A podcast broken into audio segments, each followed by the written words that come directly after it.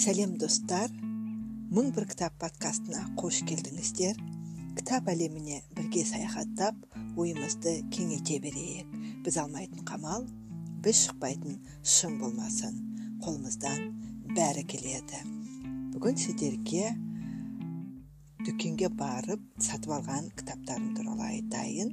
Оның бірі балалар әңгімелерінің антологиясы. Бұл антологияны құрастырған кәдірбек сегізбайұлы және серік әкрамұлы қалиев. Алматыда атамұра баспасынан 2022 жылы шыққан екен.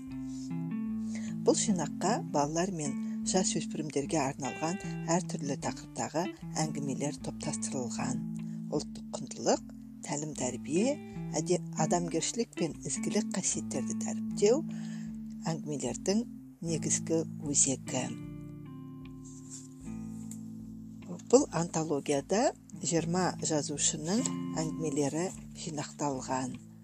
Ә, тізімнің басында тұрдақын жексенбай деген жазушы тұр. Ол кісінің балалық үш дос еліктің лағы сауысқан қос қарлығаш деген әңгімелері берілген. Екінші кезекте кәдірбек сегізбайұлының арқарға үлкен мүйіз неге керек құзғын талапты ер жігіт қойқақтай олар деген әңгімелері енген шәкен күмісбайұлының абайдың шәкірті апорт алмасы атам және мен деген әңгімесі бар. Жұмабай қайранбайдың екі бурыл кәрі боз әңгімелері енген нұрдәулет ақыштың елгезектік зардабы телефон шұқыған тілазар толымбек әбдірайымнан үш тал гүл таза бұлақ ақ кептер ормандағы оқиға әбестік тосын си сәдібектің саябағы күрде көлбайдың көмегі құстың ұясы тарқаған өкпе таңат менің ағам отыз мың теңге деген әңгімелері енген. Қанат қайым ның алабай мейн жетектеген шал деген әңгімелері бар. Бір қызығы осы жинаққа енген жиырма жазушының ішінде тек қана екеуі ғана әйел екен.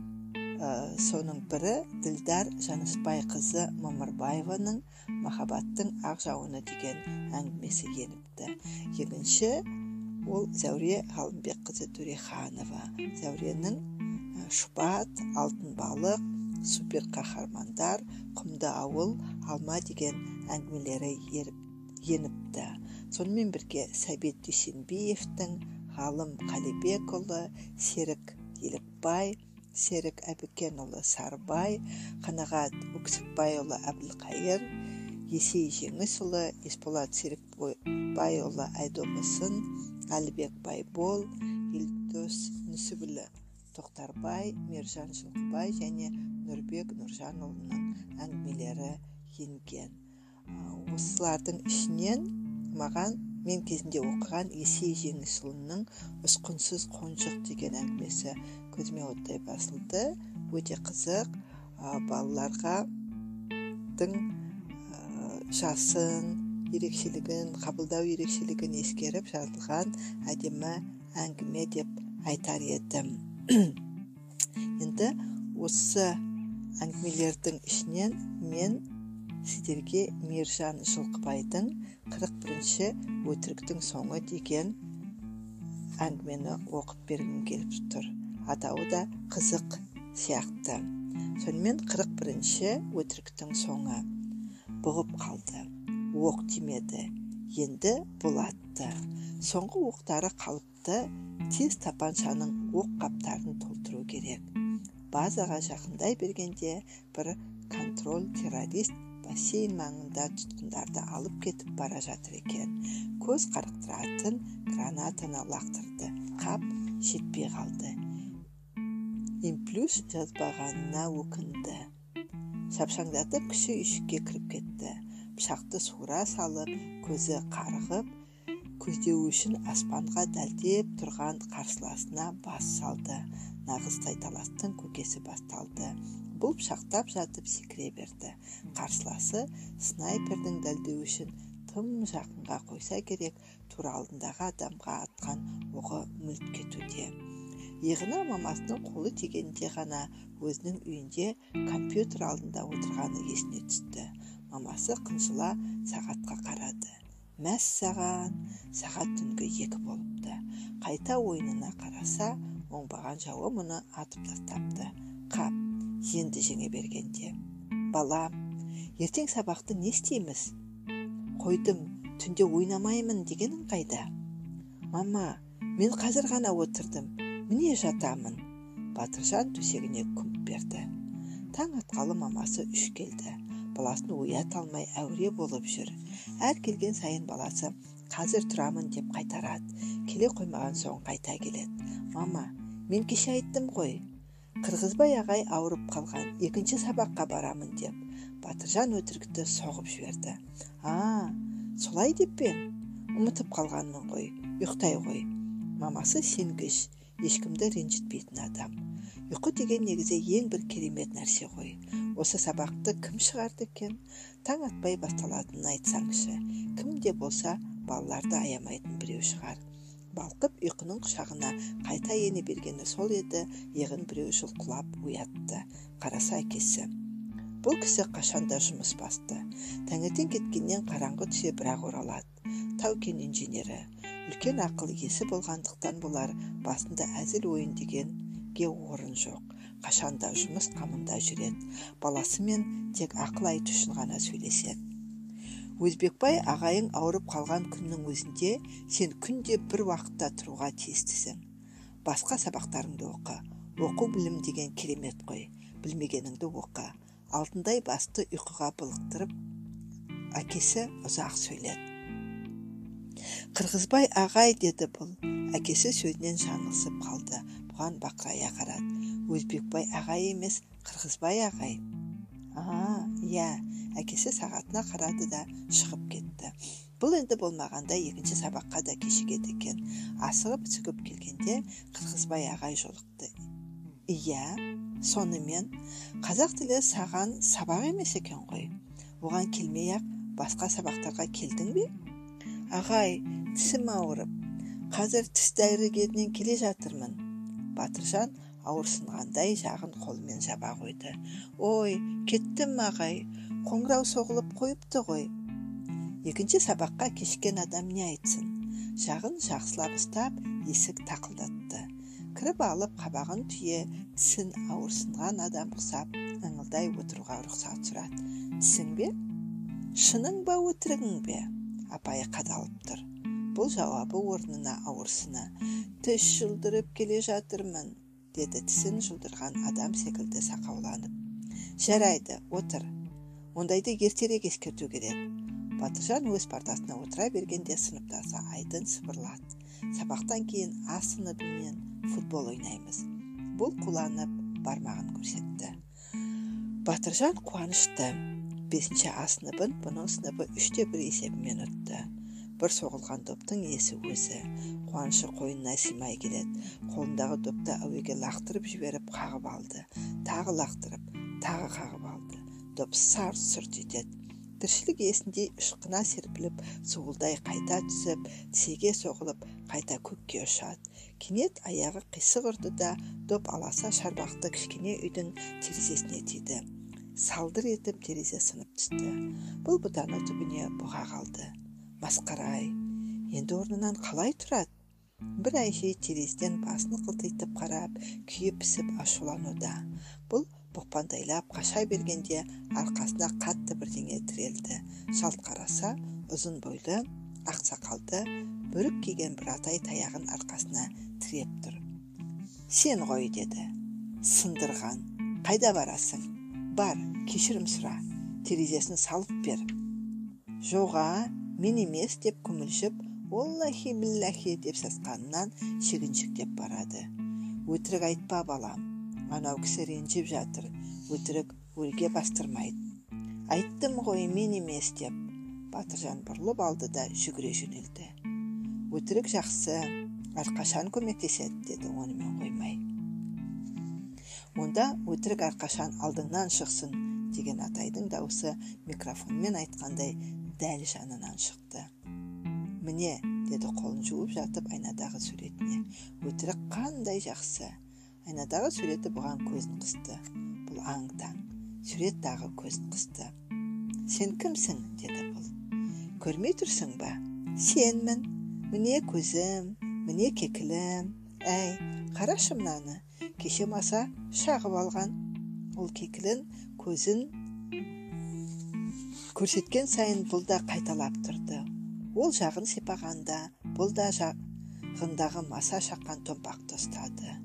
Ол бұл оған үңіле басын айнаға жақындатқанда ол да басын бұған тіреді. Бұл сескеніп басын тартып алды. Айнадағы бейне тағы көзін қысты. Жүр деді. Кір айнаға. Ол қолын созып еді. Бұл да қолын созды. Лып етіп айнаға өтіп кетті. Байқап қалды. Бұл айнаға өткенде бейнесі кері мұның орнына өтті. Бұл бақырая қарады. Бейнесі де бақырая қарады. Не болып кетті? деді бұл. Бейне баяғыдай қайталап тұр. Басын қисайтса қисайтып егін көтерсе көтерді. Бозарып жуынатын бөлмеден шықты. Өңі ме түсі ме айналасына қарады. Құдайға шүкір бәрі бәз баяғы қалпы. Мамасы ас бөлмесінен шығып келеді екен. Бар тамағыңды іш. Ет қосқан картоп деді мамасы. Тамақтың иісі мұрынды жарып барады. Қарны ашқанын енді білді. Барып теледидар қосты. Қазанның қақпағын ашты ішінде ешқандай тамақ жоқ. Келесі қазанда бос болып шықты. Тоңазытқышта да ет қосылған картоп жоқ болып шықты. Бірақ тамақ иісі мұрынды жарып тұр. Мама мама! деп айғайлады. Анасы жауап бермеді. Жарайды! деп тоңазытқыштан салқын тамақтарды алып іше бастады. Енді спорт жаңалықтары деді тележүргізуші. Бүгін жаңатас қаласының нөмір үшінші мектебінде сынып аралық футболдан жарыс өтті. Бесінші а сыныбы бесінші ә сыныбын бесте бір есебімен ұтты. Оның ішінде бесінші ә сыныбының оқушысы батыржан өз қақпасына байқамай гол соғып алды. Біз бұл ойынға қарап батыржанға өте ұят болды дегіміз келеді. Бұл қолындағы шанышқысын түсіріп алды. Соқ отыр. Қалайша өтірік сөйлейді? Керісінше жеңген өзінің бесінші ә сыныбы емес пе? Бұл ешқашан өз қақпасына доп салған емес. Салмайды да. Ау қазақстанның бір қуысында орналасқан кішкентай қаласындағы мұның мектебінің ойынын қашаннан бері теледидардан көрсететін болған. Бұлар футбол ойнағанда бөтен ешкім жоқ еді ғой? Бұл басын ұстады. Бетін шымшыд аяқ қолын ұрғылады түсі емес өңі сияқты. Жүгіріп барып досы айдынға қоңырау шалды. Теледидар көрдің бе? деді бұл. Жоқ. Жай ма? Жаңа біздің ойнағанымызды жаңалықтардан айтты ғой. Қазақстан телеарнасынан біздің сыныпты жеңіліп қалды деп айтты айдын қарқылдап күлді. Өтірікші екеніңді білеміз. Мынауың тип тіпті қисынсыз. Сенің гол соққаныңды да айтқан шығар ха ха ха. Иә деді бұл. Бірақ мені өз қақпасына соқты деп айтты.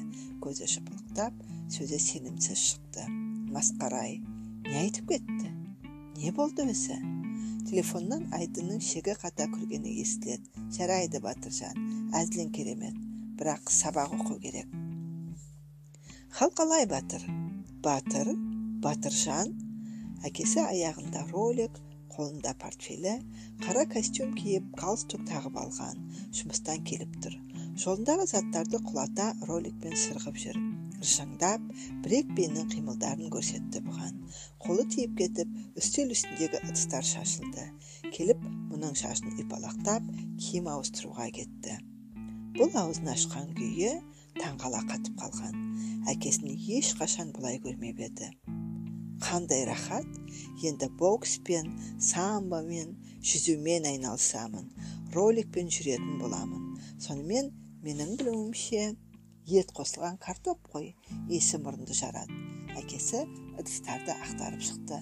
Ау маған тамақ қалдырмағансыңдар ма? Мен де жеген жоқпын маған да қалдырмапты. Тоңазытқыштан суық етпен салат жедім деді бұл ыдыс аяғын жуып жатып. Неге өтірік айтасың иісі бұрқырап тұр ғой жеп қойсаң жедім деп айта бермейсің бе сен қимылдаған сайын өтірікпен ақталатын жаман әдет тапқан жоқсың ба осы әкесі ренжи шүйлікті оллахи биллахи деді сасқанынан мамасы кірді де шашылған ас бөлмесін көріп шошып кетті мынауың не балам мен емес әкем ғой роликпен жүріп бәрін қиратты бұл айтсаңшы дегенде әкесіне қараса әкесі түк білмегендей газет қарай салды. Сенің өтірігіңе тойдым. Қазір ғана қырғызбай ағай телефон соқты. Ауырған түгі жоқ. Сен осылай кете берсең бала болмай ақ қой анасы күйіне өзін ұстай алмай айғайлап жатты. Бұл мектебіне жақындай бергенде сыныптасы сәния шықты алдына. Сәлем деді ыржиып кекілі аппақ жүзіне жараса қалған. Бұрын бұған бұлай қила қарамаушы еді бұл сасқалақтап шашын жөндеді костюмінің етегін тартып қипақтап қалды сәлем деді тамағын жөткірінді кеше а сыныбын жеңіпсіңдер ғой жарайсыңдар қоңырауға әлі ертерек жүр спорт бөлмесіне барайық ешкім жоқ бұл басын изей берді бұл ортада жатқан допты алып екі тізесімен қақпақ қақпақылдап өз өнерін көрсете бастады. Теп қане мен ұстай алар ма екенмін? Сәния қақпа алдына тұра қалды. Қоя ғой сен ойнай алмайсың. Кім? Мен бе? Одан да дәлдей алмаймын десеңші сәния мазақтай күлді. Жарайды. Мә ұста. Батыржан допты сырғыта тепті. Сәнияның ептісін ай сарт еткізіп аяғын тоса қойып кері тепті. Бұл таңғала қарап тұрғанда доп жанынан өтіп кетті сәния мәз бола күлді бұл доппен біраз айла жасай жүріп қақпаға жақындай жақындап келеді бұл жолы соғатынына сенімді ой ұят ай қыз баласына доп соқпақсың ба қараса қырғызбай ағай мектептегі ең жасы үлкен ұстаз жетпіске келіп қалса да мектепті қимай жүрген кісі кел батыр болсаң мен тұрайын қақпаға кіргізе алар ма екенсің мен 47 жыл бұрын қазақстан құрамасында ойнағанмын. Маған жету қайда саған? Бұл намыстанып қалды. Мына шалдай өзінен көрсін. Мені бір ақ шияяқ деп жүрген шығар. Бұл ағайды жаңылыстырмақшы болып олай да бұлай да допты қақпақылдап жүріп алды. Не болды сонша бата алмай жүрсің бе? Сәния жүгіріп келіп жармасты. Мұның екі аяғының арасынан айла жасап демде допты аяғымен өзіне тартып алды да тебе жөнелді. Бұл қанша қуалап допты алмақшы болса да ала алмады. Не деген айлакер ағай болса жеңін түріп алып допты тосуда. Батыржан әрі қуалап бері қуалап жете алмады. Кенет сол аяғын соза бергенде оңбай құлады. Сол кезде қоңырау дауысы шықты. Ағай мен сәния ештеңе естір емес. Ойларының бәрі допта. Бұл аяғын ауырсынып дәлізге шықты. Сапаргүл апайы өтіп бара жатыр екен. Тез бар. Сабақтарың оныншы бөлмеде болатын болды батыржан оныншы бөлменің есігін тақылдатып ішке кірді. Батыржан мұнда неге жүрсің? Сендердікі отызыншы бөлме емес пе еді? Бұл төртінші сынып қой деді гүлдан апай орнынан тұрып. Шынымен де басқа сынып. Бұрыннан осы сыныптың бөлмесі болатын сапаргүл апайдың мұнысы несі қап сабақтан тағы кешікті ау өз сыныбына келгенде сабақ басталғанына біраз уақыт өтіп кетті есікті тақылдатып ішке кірді ибадат апайының география сабағы үлкен картаны іліп тастапты сонымен батыржан ұйқыңды қимадың ба неге кешіктің жоқ жоқ мен бүгін ерте келгенмін иә көріп тұрмыз қалай ерте келгеніңді сыныптастары күбірлесіп мәз болуда жоқ ерте болған соң футбол ойнадық өзіңмен өзі ойнадың ба сенен басқаның бәрі сабағында сәния қырғызбай ағай үшеуміз ойнадық олар әлі ойнап жатыр қоңырау соғылды десем қарамайды мен кешікпейін деп қоңырауға шығып едім сапаргүл апай басқа сыныпқа алдап жіберді бұл тез тез болған оқиғаны айтуда сыныбы қыран топан күліп жатыр. Қырық өтіріктен асып кетті сенің өтірігің. Сен қашан адам болар екенсің? Сәния сен не дейсің? Қараса сәния майысып сабақта отыр тұрып басын шайқады. Апай соған сеніп менен сұрап отырсыз ба? Сәния неге алдайсың? Айтсаңшы. Қырғызбай ағайдың да ойнағанын ол кісі 47 жыл бұрын қазақстан құрамасында ойнаған сынып қыран топан күлкіге батты. Отыр. Осы сабақтан кейін мектеп директорына барасың. Басқа өтірігің аздай енді құрметті ұстазды мазақтайын дедің бе? Сабақтан кейін басқа аяғы басқан аяғы керек етіп директордың бөлмесіне келді. Кел директор мұны көріп ұшып тұрды. Отыра ғой. Ау сабаз жарайсың естіп жатырмын директор қарқылдап күліп алды. Әсіресе бізді телеарнадан көрсетті дегенің ұнады ғой маған. Біздің мектептің мақтанышына айналдың. Қырық өтірікті мүдірмей айтып ханның қызын алған тазша баланы білесің ғой? Ал талай елді өтірігімен қатырған барон мюнхгаузенді ше?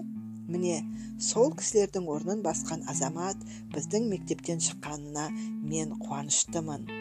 Ал сен дайындал осы қалпыңнан тайма. Жақында басқа мектептерге өтірікпен жарысқа жіберемін. Жеңіп шығатыныңа жүз пайыз сенемін. Директор сөйлеп жатыр сөйлеп жатыр. Қоңырау бағана болған. Бұл да қиялдап кеткен. Көз алдына біресе ханның сұлу қызын қолынан ұстап топты жарып келе жатқаны келді. Бүкіл мектеп ұстаздар сыныптастары қақ жарылып жол беріп жатыр. Біресе мюнхгаузеннің бас киімін киіп соныкіндей сұлу мұрты бар танауын шүйіріп тұрғаны келді. Сыныптастары бағанағыдай жарыла күлудің орнына іштері күйіп қарар еді бұл көңілді келіп сынып есігін тақылдатып ішке кірді. Иә батыржан сонымен қайда жүрсің? Неге сен елден ерекше ескертусіз кешігесің де жүресің? Ешкім білмейді сұрасам бәрі біледі ғой. Менің директор ағайдың алдында болғанымды. Бұл сұраулы жүзбен сыныбына қарады. Бәрі енді естігенде иықтарын көтерді. Жарайды директор не деді? Сол мені мақтады. Өтіріктен жарысқа барасың деді. Бұл мақтана айтты. Сынып ішіне бомба жарылғандай болды. Бәрі қыран топан күліп жатыр. Бұл түсінбей әрқайсысына бір қарайды. Апайы күлкіден екі иығы селкілдеп көзінің жасын сүртуде. Бұл сүмірейіп далаға шықты. Бүкіл ел бір өзіне қарсы бәрі өзін алдағысы келеді. Бұл дүниеде жалғыз қалғандай болды. Тіпті туған әке шешесі мұны алдап кетті. Қалай дәттері барады? Кенет тоқтай қалды. Бұл да оларды талай алдап еді ау олар да осылай қынжылған шығар. Мен қателік істеген екенмін ғой. Тез барып кешірім сұрайыншы. Әке шешесін құшақтап мына жалғыздықтан құтылғанша асықты. Мына жолдың тарын қарашы. Алдында бір қария кісі галошын тарпылдата басып жол берер емес. Қолында үлкен қабатталған терезе шынысы. Сытылып жанынан өте бере жатып өтіп бара жатып көзі түсті қиналып әрең көтеріп бара жатыр екен. Өтіп кете беріп қайта оралды. Әкеліңіз көтерісейін қария шыныны беріп жатып алғысын жаудырды. Бұлар шыныны әжейдің ауласына әкелгенде бұл тоқтай қалды. Кеше өзі терезесін сындырып кеткен үй еді бұл. Бір бұзылған бала қиратып қашып кетті. Ұстап алсам сабайтын едім деді әжей терезені көрсетіп. Бұл басын салбыратып жерден таяқ әперді әжей міне сабай беріңіз. Мен байқамай допты қисық теуіп сонымен сындырған мен кешіріңіз әжейдің ашуы қайтты. Елген басты қылыш шаппас. Жарайды балам. Кеш болса да кешірім сұрағаның жетіп жатыр маған кешке көршім жұмыстан келген соң салып береді ғой. Үйіңе қайта ғой кешеден бері естіген жылы сөз еді бұл. Өзіне қолдарын шошайтып күлген достары келді көз алдына. Үйінде қолын жуып тұрып айнаға қарады. Бейнесі де тікірейіп қарады. Бұл ойына түсіп түйіле қарағанда ол да түйіле бұған үңілді. Бәрі осы айнадан басталды емес пе? Бұл айнаның келесі бетіне өткен секілді болған. Сен бе? деді бейнесіне осының бәріне сен ғой кінәлі. Неге мен кінәлі? Өтірікті мен бе саған айтқызған. Сен шындықты сыйламаған соң айнаның арғы бетіндегі жалған өмірді көрсін дедім. Өтірік ұнаса қалуыңа болады. Жоқ жоқ керек емес маған өтірік. Бұл жан ұшыра екі қолын тіреп айнаға үңілді. Кенет лып етіп айнаның келесі бетіне өткенін байқады. Ал бейнесі кешегідей кері өткендей болды. Бұл үңіле қарады. Бейнесі де үңілді. Түк болмағандай бәрін қайталап тұр. Сұрақ қойса сұрақ қояды. Басын исе иеді. Тағы түк түсінбеді. Бозарып жуынатын бөлмеден шықты. Мамасы ас бөлмесінен шығып келеді екен. Бар тамағыңды іш. Ет қосылған картоп деді мамасы. Бұл мамасына сенбей жанынан бажайлап қорқа басып өтті. Тоқташы неге бозарып тұрсың ауырып қалғансың ба? Мамасы басын ұстады. Кеше кеш жатқандікі ғой енді компьютерді жатарда қоспайсың түсіндің бе? Мамасы барып теледидар қосты. Бұл ақырын ғана қазанды ашты. Шынымен ет қосылған картоп қарны ашқанын енді білді. Сәлеметсіздер ме құрметті көрермендер. Бүгін бізде қонақта атақты сиқыршы ардақ атай деді телебағдарлама жүргізуші. Батыржанның қолынан шанышқысы түсіп кетті. Жүргізушінің жанында кеше мұның арқасына таяғын тіреген атай отыр еді. Бұған қарап ыржиды көзін қысып қойды. Сәлеметсіз бе? Кешіріңіз енді өтірік айтпаймын деді бұл. Білемін деді атай. Анасы бұған таңғала қарап қалған. Сонымен балалар әңгімелерінің антологиясына кірген әңгімені аяқтадық. Бұл 41 бірінші өтіріктің соңы. Өте қызық жазылған әңгіме екен. Балалар оқыса ұнайтыны сөзсіз. Сонымен бүгінгі подкасттың эпизодын аяқтайық. Мың бір кітап подкастында әңгімені оқып берген бақытгүл салыхова. Келесі кездескенше күн жақсы болсын.